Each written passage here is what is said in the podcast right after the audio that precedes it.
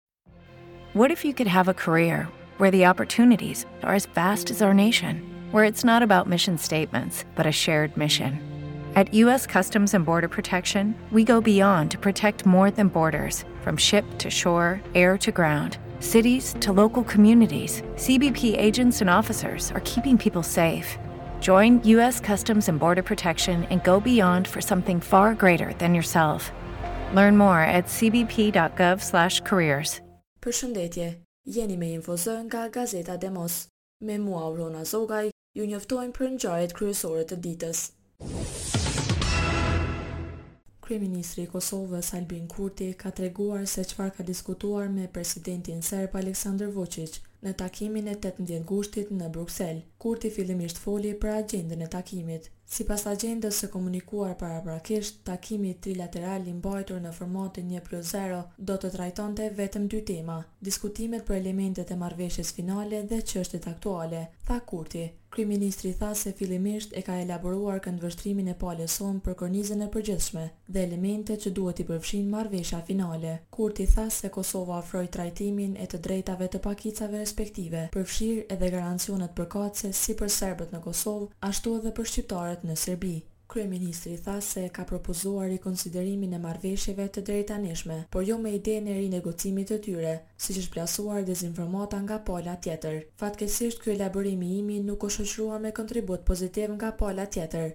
e cila në vend të ideve ka nxjerrë vetëm konstatime se nuk janë të interesuar për normalizim të plotë, por për hapa të vegjël e gradualë, tha Kurti. Tutje ai tha se kishin planifikuar të rrinin në Bruksel edhe përtej tetëmbëdhjetë gushtit, me bindjen se marrëveshja përfundimtare do ta konsumonte pjesën më të madhe të kohës. Kurti tha se s'deshën tjetër, thjesht menaxhim krize me hapa të vegjël e probleme potenciale e eventuale të sigurisë, dhe tha se në Bruksel ka qenë vetëm si kryeministër. Dhe jo si polic apo doganier. Gjatë mbledhjes së sotme të Qeverisë së Kosovës, është miratuar Projekt-Rregullorja për Financimin e Dërgimit të Forcës së Sigurisë së Kosovës jashtë vendit. Pika e shtatë është shqyrtimi i Projekt-Rregullores për Financimin e Dërgimit të FSK-së jashtë vendit. Kjo rregullore përcakton procedurat dhe mënyrën e financimit për dërgimin e Forcës së Sigurisë së Kosovës jashtë vendit, tha kryeministri Kurti, ndërsa ministri i Mbrojtjes Armend Mehaj tha se kjo rregullore është hartuar në përputhje me procedurat e parapara në Rregulloren e Punës së Qeverisë së Kosovës. E aprovimi i kësaj rregullore përcakton mënyrën e financimit për dërgimin e Forcës së Sigurisë jashtë vendit, prandaj kërkon aprovimin tuaj për këtë rregullore, tha ministri Mehaj.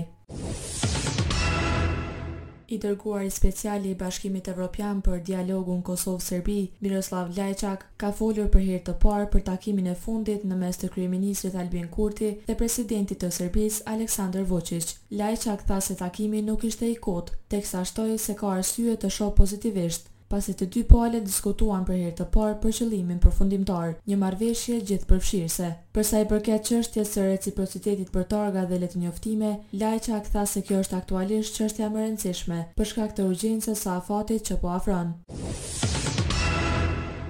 Kryeministri i Kosovës, Albin Kurti, ka folur për dy masat e reciprocitetit që pritet të hyjnë në fuqi nga një shtatori. për çështjen e targave dhe dokumenteve hyrje-dalje. Ky vendim u shty për një muaj, nga një gushti deri në një shtator, si kërkesë e Shteteve të Bashkuara të Amerikës, të cilat përkrahën vendimet, por gjithashtu thanë se ka nevojë për kampanja informuese rreth tyre, pasi qytetarët serbë janë dezinformuar.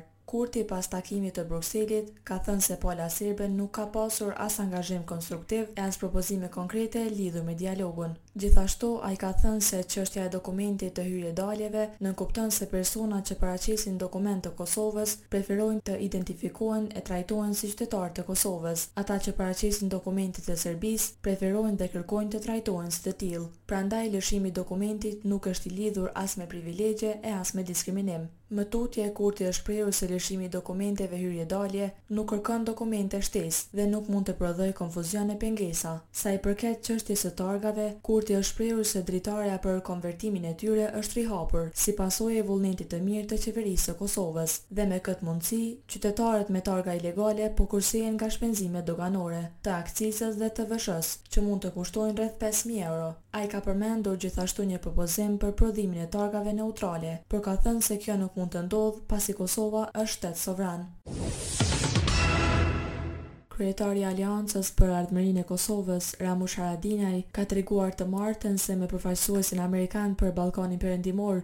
Gabriel Escobar kanë biseduar për gjetjen e një zgjidhje rreth shtrirjes së sundimit të ligjit në veriun e Kosovës. Në takim kanë qenë edhe liderët e tjerë opozitarë, Memli Krasniqi nga radhët e PDK-së dhe Lumir Abdixhiku nga LDK. Gjatë darkës me Escobar, patëm një diskutim të frytshëm për gjetjen e zgjidhjeve për zbatimin e sundimit të ligjit në veri të Kosovës. SHBA është një aleat dhe mik i besuar dhe së bashku do të ruajnë paqen dhe sigurinë, ka shkruar Haradinaj në Twitter. Darka e Escobarit për liderët opozitarë është shtruar në mbrëmjen e së martës, e emisari amerikan për Ballkanin Perëndimor sot është takuar edhe me kryeministrin e Kosovës, Albin Kurtin.